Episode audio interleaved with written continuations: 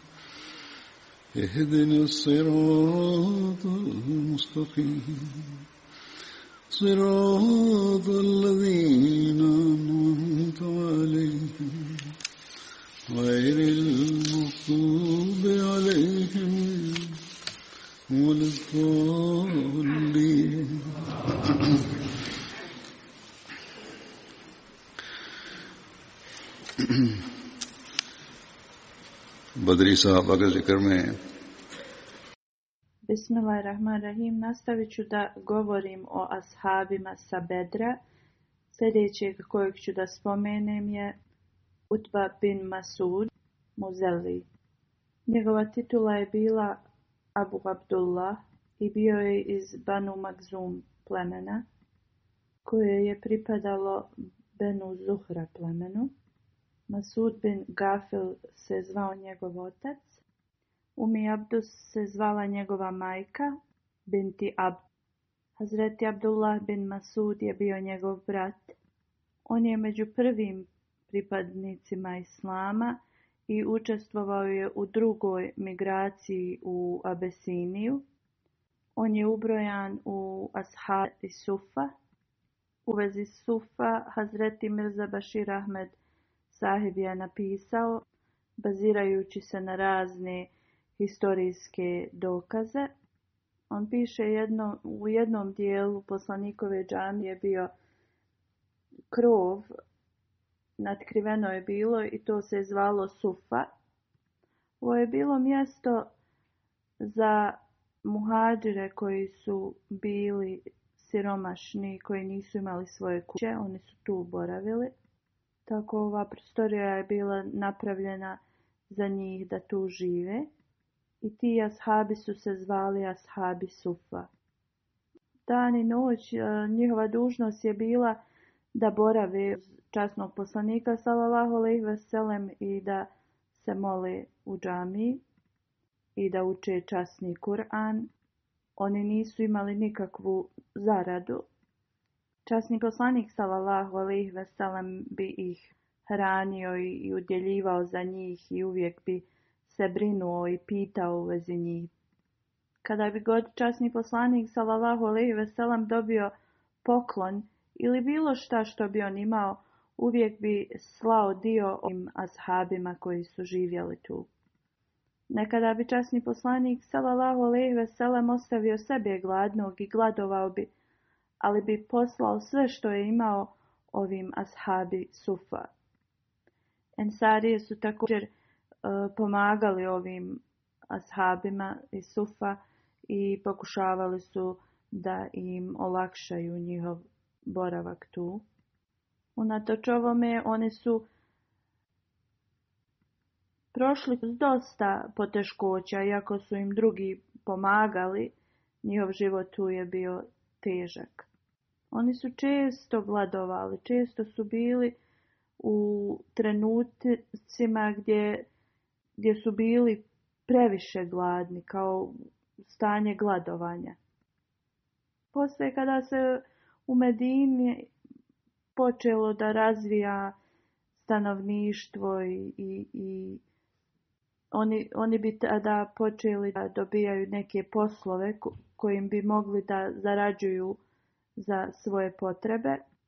A poslije kada se vlada uspostavila, oni su dobivali iz Bejtul mal, iz glavne blagajnice, neke prihode za sebe. U svakom slučaju još detalja u vezi sa Habi Sufa se spominje. Spominje se da u toku dana oni bi boravili u džami i u blizini časnog poslanika sallallahu alejhi ve slušali su njegova predavanja i učili su o vjeri, a navečer bi boravili u toj safa, to je na arapski jezik se zove, i također bi klanjali u toku noći. Neki nisu posjedovali ni odjeće. Nekad bi neki od njih se zagrnuli sa platnom, šta god bi to imali, i to platno ne bi ni dostiglo do njihovih bedara. Znači to platno ne bi bilo dovoljno da ih lijepo zagrne. Hazreti Abu Hureyra je bio jedan od ashaba i sufa. On prenosi da od ashaba ehli sufa vidjela sam 70 njih od kojih njihova odjeća to platno s kojim su se za, za, zastirali nije dostiglo ni do njihovih bedri, bedara. Znači on bi to omotali oko sebe, ali to ne, ni dostizalo ni do koljena. Oni bi sakupljali drveće i prodavali to i od toga bi isto živjeli. Također neki ljudi kad bi dolazili, oni bi nekako na njih gledali da tu sjede kao bez ikakve svrhe. Ili bi gledali na njih u pozitivnom smislu da su ovo kao ludi ljudi koji su sve dali da bi bili uz poslanika sallallahu alejhi veselam. Kada bi god poslanik sallallahu alejhi veselam, dobio neku sadaku od nekoga, on bi ovo dao njima. Kada bi god časni poslanik pozvao nekoga da na ručak ili da jede, on bi uvijek pozvao i njih. Često bi časni poslanik Salahu alih veselem bi ih raspodijelio i poslao na večer kod muhađira i ensarija, to jeste da, da večeraju s, s njima.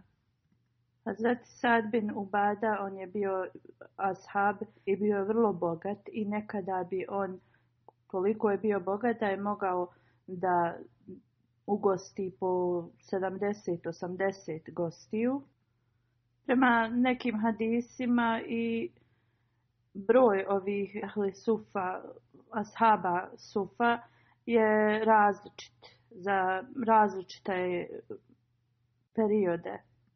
Najmanji broj je bio 12, a najveći broj zapisano je da je bio oko 300.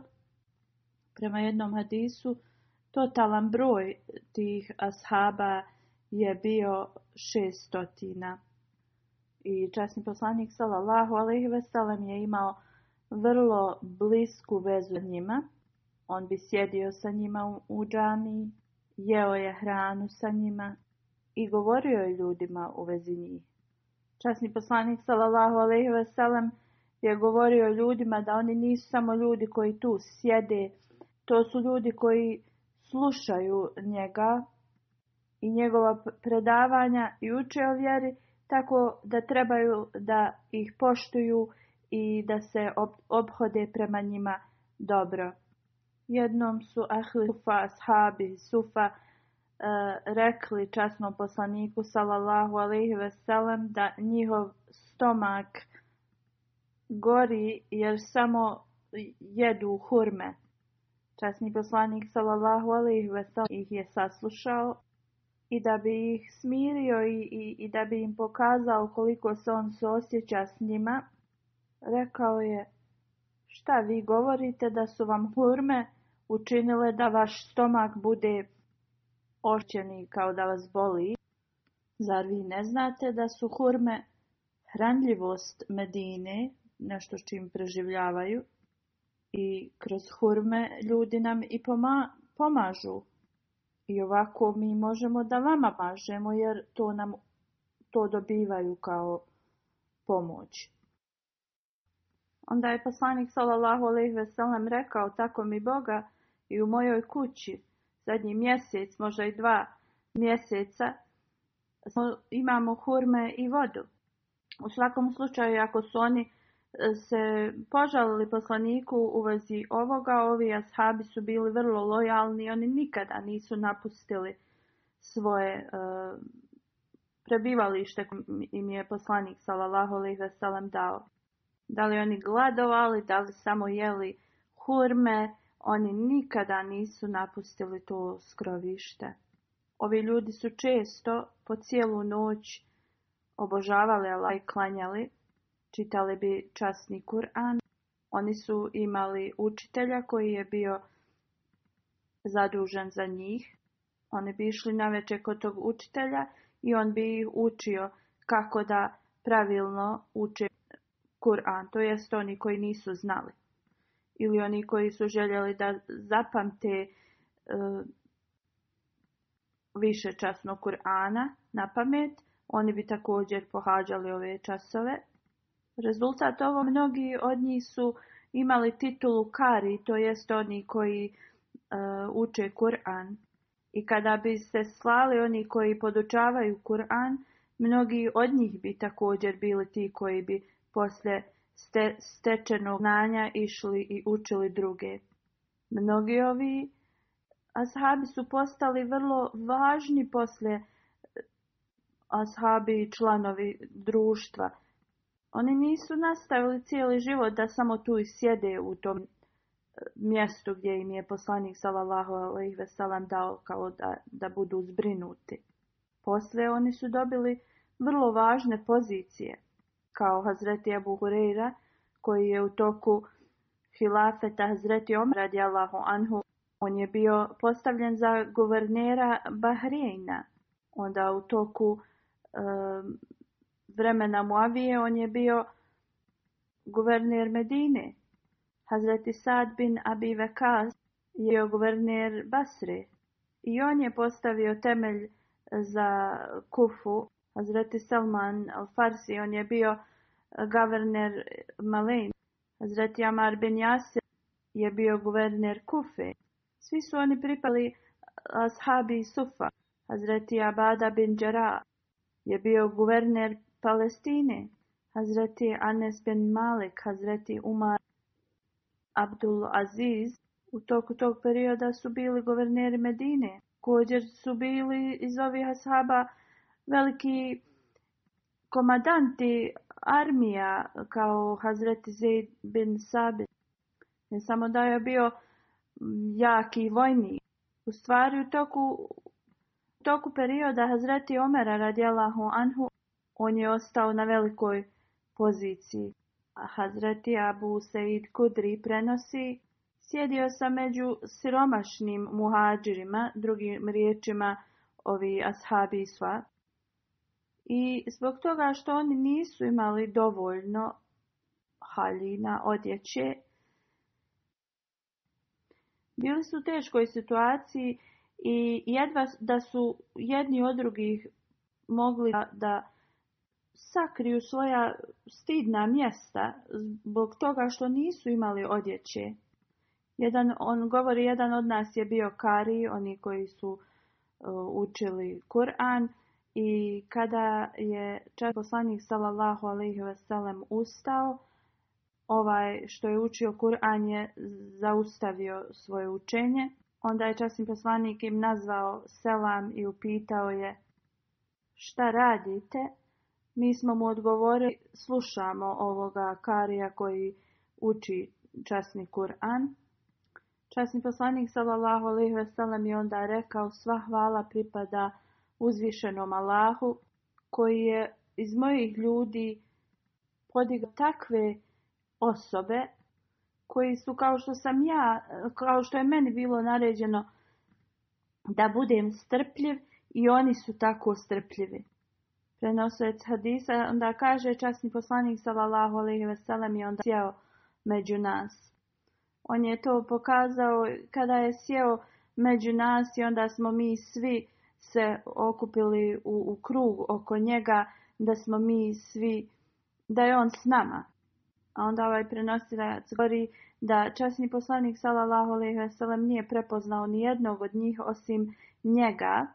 I onda je Časni poslanik sallallahu alejhi ve sellem rekao: "O ljudi poteškoća, vi koji imate poteškoće, donosim vam radosne vijesti na sudnjem danu u džennetu imat ćete prednost ispred bogataša.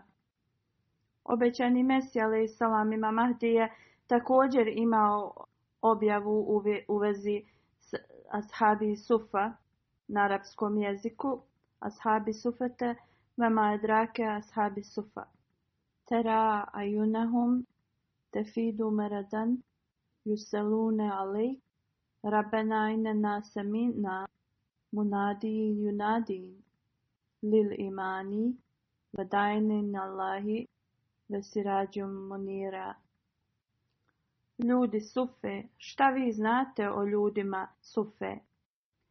Vidjet ćete da suze teku niz njihova lica i ljudi šalju selame na njih.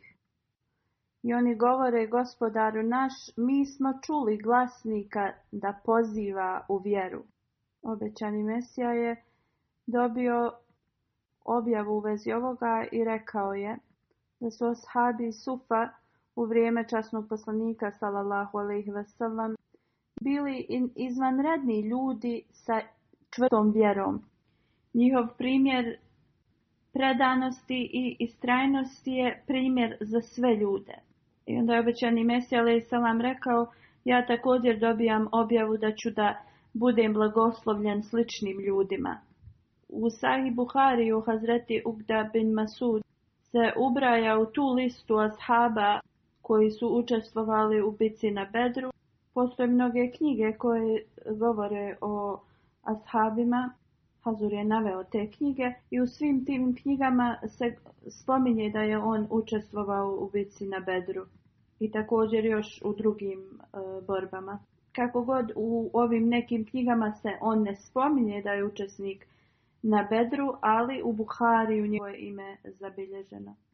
Hazreti Udba bin Masud u toku perioda hilafeta Hazreti Omera radijallahu anhu u 23. godini poslije Hidžre je preminuo u Medini. Hazreti Omer radijalahu anhu mu je klanjao džanazu. Kasim bin Abdurrahman prenosi da je Omer bin Hatab na džanazi. Hazreti Udbe je čekao njegovu majku da i ona dođe. Im Zuhri prenosi da Hazreti Abdullah bin Masud da je Utba bio stariji ashab od, od njega, misli se duže vremena ashab. Hazreti Udba prenosi da je Hazreti Udba bin Masud preminuo, njegov brat Abdullah bin Masud je počeo da plače. Neki ljudi su ga pitali, da li ti plačeš? On je odgovorio, on je bio moj brat i bio je ashab časnog poslanika sallallahu alaihi veselem i osim Omera bin Hataba u ovom vremenu on mi je bio najdraži. U drugom hadisu se spominje da kada je Hazreti Abdullah bin Masud saznao da je njegov brat preminuo, pojeda je da plaće i rekao je Zasigurno ovo je milost koju je uzvišeni Allah podario, a Ademova djeca će imati korist od ovoga, a ovo postaje milost za vjerke. Prema jednom hadisu Hazreti Omer bin Hatab je postavio Udba bin Masud za emira u jednom mjestu. Sljedeći asab kojeg ću spomenuti je Hazreti Abada bin Sabit. On je Ansarija, otac mu se zvao Samit bin Kejs, majka mu je bila Kuratul Ain bin Ubada, binti Ubada. Učestvovao je oba dva puta na Bejat Jakba bio je iz Hazrić plemena, saveznici Auf plemena. On je bio poglavica tog e, plemena. Tevakil je bio njegov nadimak. Razlog tome je bilo kada bi bilo ko došao kod poglavice, davao bi zaštitu i svi oni koji su na taj način davali zaštitu tim ljudima kad bi dolazili i dobivali su nadimak Tavakel. Takvi poglavice kada bi nekome dale zaštitu, dali bi mu strijelu i rekli bi da se slobodno, slobodno kreće u, u, tom mjestu.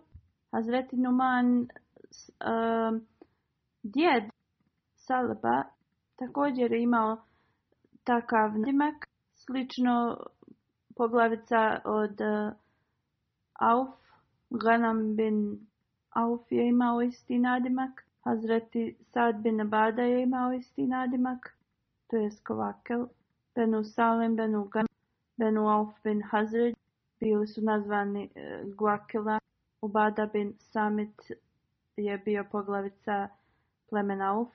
Hazreti Ubada je imao sina, on se je zvao Velid. Majka mu se zvala Džamila binti Abu Sasa. Njegov drugi sin se zvao Muhammed. Njegova majka se zvala Umi Ilham binti Haram. Hazreti Ous bin Samet je bio brat od Hazreti Ubada. Hazreti Ous je također bio ashab sa Bedra. Kada se Hazreti Arsad bin Ganbi preselio u Medinu, onda je časni poslanik sallallahu ve uspostavio bratstvo između njega i Hazreti Ubada. Hazreti Ubada je učestvovao u bici na Bedru, Uhudu, Heku, Kodrova i svim ostalim bitkama uz časnog poslanika sallallahu ve sellem. On je u 34. godini poslije Hidre u Ramla Palestina preminuo. Neki ljudi vjeruju da je on pojao šehid u Beci Bejtul Maktas i da je samo tu i bio ukopan. Njegova, njegov mezar je i dalje poznat tu u tom mjestu. Prema jednom hadisu Hazreti Ubada se da je preminuo u Kabriz u vrijeme lafeta Hazreti Omera.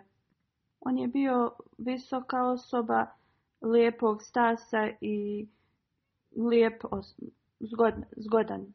Prema nekima govore da je preminuo u 45. godini poslije Hidžre u vrijeme Muavije. Kako god Prva, prvi hadis je više tačan, koji govori da je preminuo u Palestini u 34. godini posle Hidžre. Hazreti Abada bin Samet, on je prenio preko 181 hadis. On je među ovim blagoslovljenim ashabima kao što je Ana bin Malek, Džabir bin Abdullah, Migdam bin Madi, Hazreti Ubada bin Samet je prenio da je Hazreti Ubada učestvovao u bici na Bedru i na dan u noći Akba on je također bio među poglavicama. On bi govorio da je časni poslanik sallallahu alejhi ve kada je grupa ashaba bila oko njega, on je rekao uzmite zakletvu od mene i onda je rekao da ništa ne možete ra smatrati ravnim Allahu niti da ćete krasti, niti ćete ubijati svoju djecu i da nikada nećete biti neposlušni bilo prema čemu što je dobro. I oni od vas koji ovo ispune ovu zakletvu, njih nagrada je uz Allaha.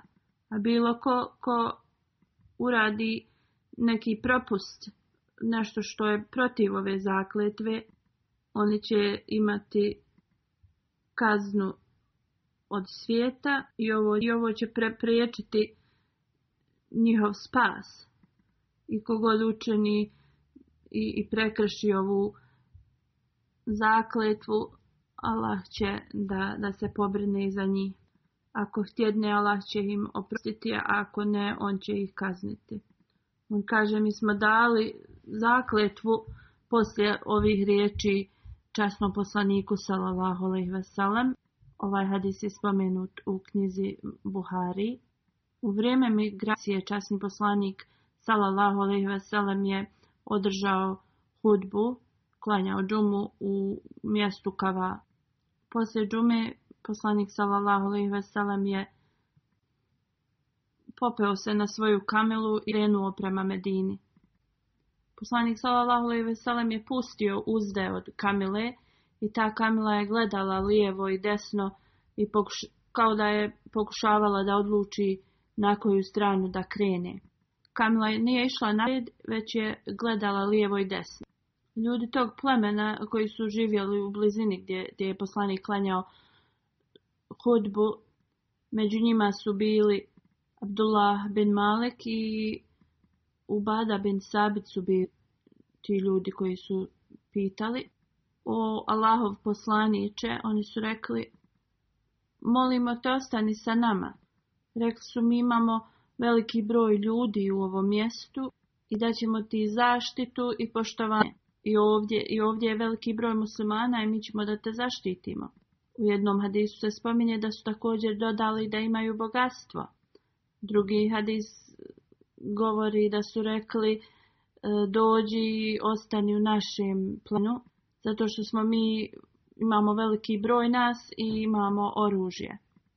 To jeste da imaju dosta bogatstva i da mogu da i zaštite poslanika. Također su rekli o Allahov kad gotovi Arab dođe u, strahu i kad, kad bježi od nečega, ta osoba dođe kod njih e, kao pod zaštitu, traži od njih da, da bude zaštićen. Časni poslanik sallallahu alejhi ve sellem slušao sve što su oni imali da kažu i onda je rekao lijepe riječi zahval i također riječi zahvale prema njima. On je rekao to je sve dobro što ste vi rekli. Ali onda je rekao ostavite moju kamilu, ovo je sudbina, ova kamila će danas da ide i da putuje prema Allahovoj volji i uputi. Drugi hadis kaže da je časni poslanik sallallahu alejhi ve sellem rekao da ova kamila je stavljena i izabrana i zato sklonite se s njenog puta. I on se smijao dok je ovo govorio. I rekao je neka uzvišeni Allah vam podari blagoslove za sve ovo što ste vi ponudili. I onda je njegova kamila krenula naprijed.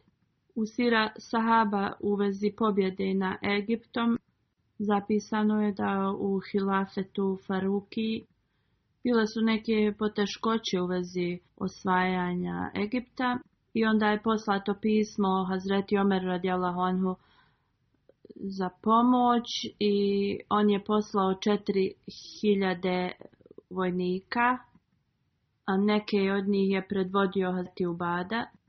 I on je rekao među ovim glavnima svi od njih su vrijedni hiljadama ljudi. E, svi od njih su vrijedni kao jedan jednak hiljadu ljudi. Da su stigli u Egipat i Hazreti Amar bin As je sastavio sve armije i održao je vrlo dobar govor i onda je pozvao Hazreti Ubadu i rekao daj mi svoje koplje. Hazreti Amar bin As je skinuo svoj turban i onda je zavezao ga na to koplje i dao mu ga je. Rekao je, ovo je zastava komadanta i ti si danas komadant. Uz zalavu pomoć, prvim napadom taj je grad bio osvojen. Hazret Abu Ubejda bin Đara je došao kod njih i onda su se ljudi tog mjesta izmirili. Onda je poslije eh, Hazreti Ubada postavljen za vođu tog mjesta. Hazreti Ubada bin sami je otišao u, grad koji je blizu Sirije. Ljudi iz tog mjesta su se borili protiv muslimana. Tu je bila neka ogrom, ogromna vrata koja niko nije mogao prevaliti. Trebalo je dosta ljudi. On je onda odveo vojnike malo dalje, iskopali su neki veliki kao rov i tu, tu je rekao da će da sakriju konje. Da iskopaju taj rov trebalo je dosta truda. Ljudi iz tog mjesta oni su mislili da su musulmani otišli i oni su otvorili svoja vata od grada i tada su musulmani ušli u taj grad i bili su u stanju da osvoje taj grad. Hazreti Ubada je došao tu i onda se popeo na zid i onda je na tome zidu glasno rekao tekbir Allahu ekber. Neki kršćani su pobjegli, neki ljudi su tražili zaštitu, neki su, nekima je bilo dozvoljeno da ostanu, neki su pobjegli ali su onda tražili zaštitu i rekli su mi želimo da se vratimo u svoj grad. Ima je rečeno ako date neki dio svoje zemlje, mogu se vratiti, njihova su posjedi bili vraćeni, vraćeni su im također bogomolje i rečeno im je da oni mogu da obožavaju kako oni hoće svoju vjeru. Obada je na, napravio, izgradio džamiju tu koja se poslije proširila i napravila veća. Hazreti Ubada i musman su stigli na obalu Mra. Tu je bio još jedan grad koji je bio udaljen šest milja od, od ovoga. Hazreti Ubada i, i ashabi, musmani, uz njega mnoge pobjede su bile postignute. Imaš jedan grad na obali Sirije i druga mjesta kroz, e, pod njegovom komandom svi su ti gradovi i, te, ta mjesta bila osvojena. Jednom je časni poslanik sallallahu alejhi postavio ga da bude glavni za e, neko skupljanje sadake i rekao mu je idi radi ovo, ali boj se Allaha. Nemoj da dozvoliš da se desi na, da na sudnjem danu kamila ili buffalo ili koza i dalje daje zvuk, to je značilo da ne dozvoli da ikada nekoga prevari ili nešto da ukrade na toj poziciji. Znači da ne bi te, donacije trošio na pogrešan način. Jer tada bi ljudi davali sadaku te donacije, ali to bi dolazilo kao, na primjer, neko dane kamilu, kozu, e, bafalo i tako te neke životinje i bilo mu je, dao mu je poslanik sallallahu alejhi ve sellem uputu da to uvijek ravnopravno dijeli i da bude uvijek e, iskreni i da, da te stvari ne budu na, na onome svijetu, na hiretu prepre za njega. Hazret je Bada Ben Samit je odgovorio, kunem se sa onim koji je poslao časnog poslanika, alejhi ve veselem, sa istinom ja ne mogu da se brinem ni za dvije osobe. Moranje nije tako da, da ja to mogu da radim. Nemoj molim te da me učiniš da, da budem glavni za ovo ovlašteni. Bolje je neko drugi. U toku života časnog nika alejhi ve veselem, petorica ljudi od Ensarija koji su sakupili Kur'an, a njihova imena su Hazreti Muaz bin Jabal, Hazreti Ubada bin Samit, Ubej bin Kab, Hazreti Ebu Ayyub Ansarija i Hazreti Abu Darda. Hazreti Yazid bin Sufjan, poslije pobjede nad Sirijom, je pisao Hazreti Omeru radijallahu anhu da ljudi iz Sirije traže učitelja koji će da ih podučava časnom Kur'anu i koji će im pomoći da svati religiju. Hazreti Omer radijalahu anhu je poslao Hazreti Muaza, Hazreti Ubada i Hazreti Abu Darda. Hazreti Ubada je boravio u Palestini. Dženada je rekao kada sam došao kod Hazreti Ubada, on je bio pun znanja i svatanja religije, bio je veliki učak kada su muslimani pobijedili Siriju, Hazreti Omer je poslao Hazreti Ubad i Hazreti Moaza bin Džabela i Hazreti Abu Darda u Siriju. I tu su oni išli i učili ljude časnom Koranu i u vezi religije. Hazret Ubada je bio, boravio u Himsu, Hazreti Abu Darda u Nimešu, a Hazret Moaz je otišao prema Palestini. Poslije je i Bada također otišao u Palestinu. Tu Amir je se usprotivio nekom um, vezi nečega. Hazreti Ubadi nije bilo drago u vezi toga. To je bilo nešto u vezi religije. Oni su imali neku ne, sporazum u vezi nečega u vezi religije. Hazret Moavija je koristio malo grube riječi Hazreti Ubada je rekao, ja neću ostati u istom mjestu gdje si ti. I on se je vratio u Medinu. Hazreti Omer je upitao, zašto se ti vratio? Hazreti Abada je rekao u vezi cijele situacije da ovo je bilo u vezi čega smo se preporiječili da je on koristio vrlo grube riječi protiv mene i da se zbog toga vratio u Medinu. Hazreti Omer je rekao, ti trebaš da se vratiš odakle si došao. je Allah će uništiti takvo mjesto gdje ljudi kao što si ti nisu prisutni.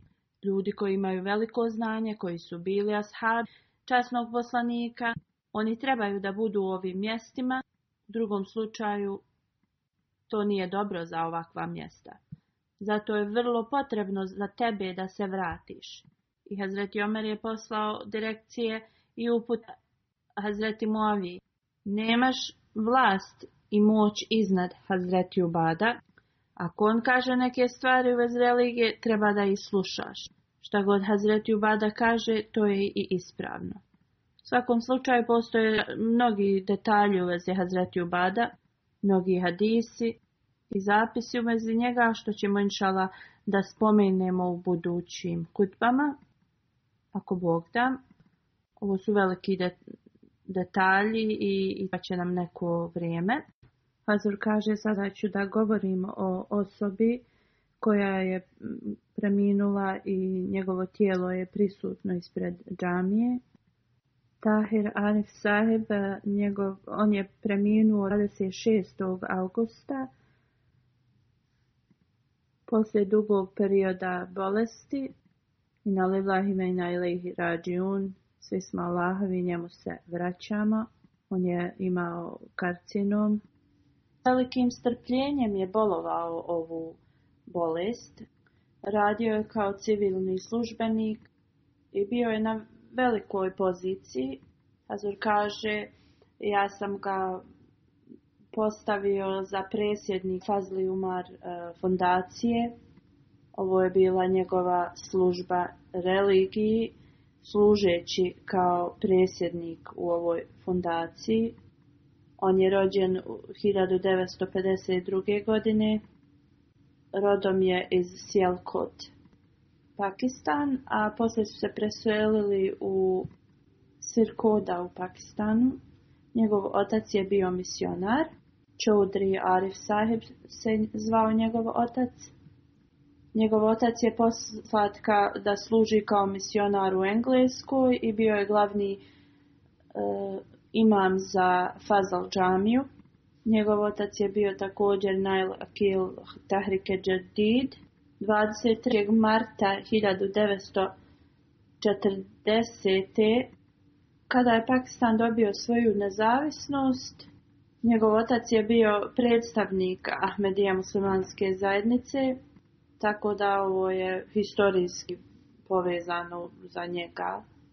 Tahir Arif sahib majka se je zvala Naja Sureja Begam sahiba. Gulam Hussein Bati sahib je bio njegov djet koji je također bio ashab ovinog Mesija i salama. Tahir Arif sahib je bio vrlo učevan čovjek on je bio dobar pjesnik i napisao je dosta knjiga. Dvije knjige su vrlo poznate, jedna je na urlaziku, a jedna na punjabi. On je također e, izdao još dvije knjige koje su vrlo dobre također. Jedna je od njih je u vezi časnog poslanika sallallahu salam koja je na engleskom jeziku, a još jedna je u vezi Pakistana. Ovo je druga knjiga koja je u vezi Pakistana. Poslije magistrata u ekonomiji, on je još završio neki smjerova i onda je došao u Englesku radi nastavka školovanja. Sa Londonskog univerziteta dobio je i neku nagradu. Nastavio još neke smjerove i onda je postao civilni službenik i onda poslije toga je dobio poziciju da bude e, glavni nadgledni za policiju. Da bi dobio poziciju u Pakistanu na tako visokom mjestu, E, poslije zakona koji je izglasan protiv Ahmedi i muslimana, ovo, ovo je vrlo e, za neke i začuđavajuće i veliki uspjeh i on je morao da, da ima velike, velike e, veliko znanje i utaj u tom društvu. Također, osim ovoga, on je radio i za biro za inteligenciju u Pakistanu. Kada je došao u Englesku radi školovanja, tada Hazreti Halifatul Mesih četvrti eh, mu je naredio da pomogne čovjeku eh, koji je pisao priče za djecu i on je bio uz njega da mu pomogne ovaj zadatak. On je pomogao dosta u vezi ovoga također. Imao je veliku želju i žar da, da i proučava, izučava i čita knjige obećanog Mesija i Salama. Ne samo da bi on čitao ove knjige, on bi poslije pravio zabilješke iz njih. Također je često Eh, davao svoje mišljenje u vezi raznih članaka. Redovno je čitao časni Kur'an i razmišljao o njemu i, i, i proučavao učenje časnog Kur'ana. Hazur kaže ovo nisu spomenule njegova porodica, ali ovo ja znam eh, da bi on redovno ustajao i, i klanjao tahadžud i bio je vrlo regularan u ovome. Gdje god bi on radio, šta god bi on radio, on bi uvijek odvajao svoje vrijeme u službu džamata. On je bio čovjek bez straha, on je bio čovjek koji je imao, kaže Hazur, kao što sam spomenuo, veliko znanje što se tiče i religije i ovo svjetskog znanja. Na ovaj način on je i svoje religijsko i, ovo znanje uvijek koristio na pravi način. On je stvarno imao velika i, i dobra razmišljanja i zaključke i bio je vrlo pozivan utjecaj na, na džemat i na društvo. On je imao veliku ljubav prema hilafetu i bio je vrlo hrabri Ahmedi musliman. Cijeli život svoj je uložio u to da bude ona ruka koja maže hilafetu. Hazru kaže uz pomoć uzvišenog Allaha i ja sam svjedok toga da mu je Allah dao velike blagoslove radi ovoga. Hazar kaže, mi smo zajedno išli na koleđ. Od ta on ima veliku želju da što više stekne znanja. On je učestvovao u mnogim debatama na koleđu i bio je vrlo uspješan u njima. Bio je vrlo dobar govornik. I u to vrijeme tad, dok su bili on je imao veliko poštovanje prema omladini, pogotovo onim vakfe zindagi, onim ljudima koji su dali svoj život za službu islama. Uvijek je bio spreman da pomaže članove Ahmedija muslimanske zajednice. Počeo je svoju službu u Fazli Umar fundaciji 2014. E, godine. Azur kaže, ja sam ga postavio za direktora Fazli Umar fundacije. Kao što sam već spomenuo, do dana do kad je preminuo, on je na ovome služio vrlo, vrlo uspješno kao direktor fundacije. On je došao u Englesku radi liječenja prije dva, tri mjeseca. On je sa velikim naporima do, do, do, tog, do tada radio kao direktor Fazli Umar fundacije dolazio je, bio na svim sastancima i uvijek je imao puno interesa za, za svoj, svoju službu. I kako je on predsjednik, eh, bilo je dosta eh, poprav napređenja u Fazlu Umar fondacije kako on predsjednik. I za sebe ostavlja sina, suprugu i tri kćerke. Dvije od njegovih kćerki su udate, jedna od njih nije. Njegova kćerka Tajvare, kaže, naš dragi otac, Allah mu je dao ovo svjetski uspjeh, ali njegova predanost i sve je bilo onome poslu koji je radio za Ahmedija muslimansku zajednicu. On je bio vrlo iskren oficir, uvijek imao vjeru i, i, i vjerovao uzvišenom Allahu, bio predan njemu. On je bio vrlo skromna osoba, bio je pjesnik, bio je autor, bio je učitelj, bio je učenjak, bio je vrlo dobar muž i bio je vrlo voljeni otac. A što je najvažnije, bio je uvijek predan u ljubavi prema uzvišenom Allahu i njegovom poslaniku, salavahu alaihi salam. Ona kaže, moja ma govori da je moj otac uvijek bio nježan, nježna osoba, on je uvijek se ponašao isto prema starcima, prema omladini. On je do zadnjeg dana, kao što sam već spomenuo, dok nije došao ovdje u Englesku radi liječenja, služio i bio predan džamatu potpuno. Hazur kaže, ja znam nekad da rodbina u vezi osobe koja je preminula zato što su pod velikim emocijama i ono, eh, oni pišu, toliko i nekad malo i preveličavaju. Ali Hazur kaže ja ovoga gospodina poznajem i sve što je rečeno o njemu je istina. Ona dalje piše njegova čirka da on je bio vrlo jednostavna osoba i također je bio predan hilafetu. Na kaže on je bio dobar e, pjesnik i pitala ga jednom da, da, da on izrecituje um, najbolju njegovu pjesmu koja je bila u vezi hilafeta. Ti stihovi su bili kao ja predajem sebe kompletno hilafetu.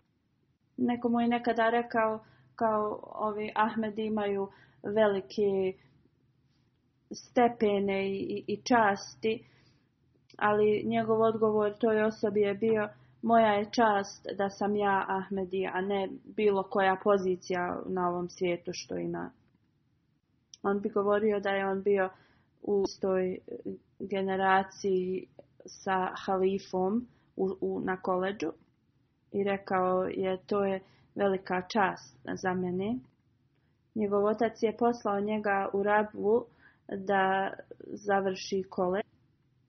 Kada je on počeo da tu studira, tada je eh, njihov taj koleđ postao na nacionalnom stepenu i on nije želio da ostane u uh, studentskom domu.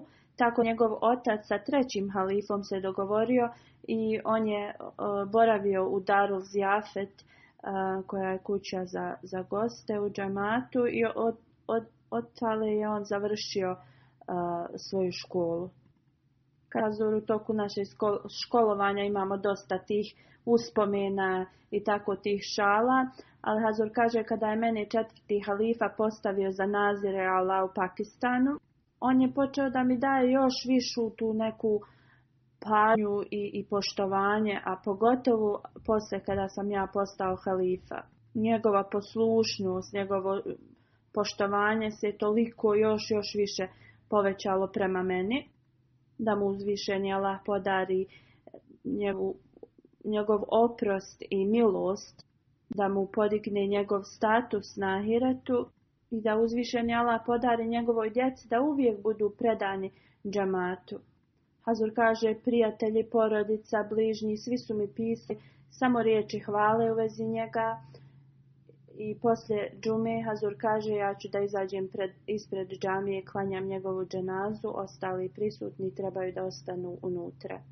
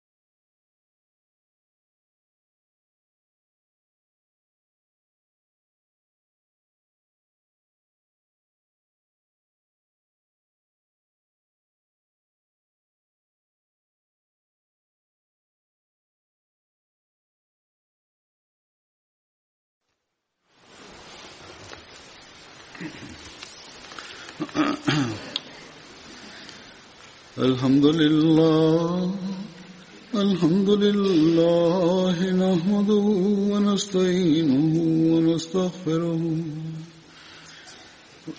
ونؤمن به ونتوكل عليه ونعوذ بالله من شرور انفسنا ومن سيئات اعمالنا من يهده الله فلا مضل له ومن يضلل فلا هادي له ونشهد أن لا إله إلا الله ونشهد أن محمدا عبده ورسوله عباد الله رحمكم الله إن الله يأمر بالعدل واللسان وإيتاء ذي القربى وينهى عن الفحشاء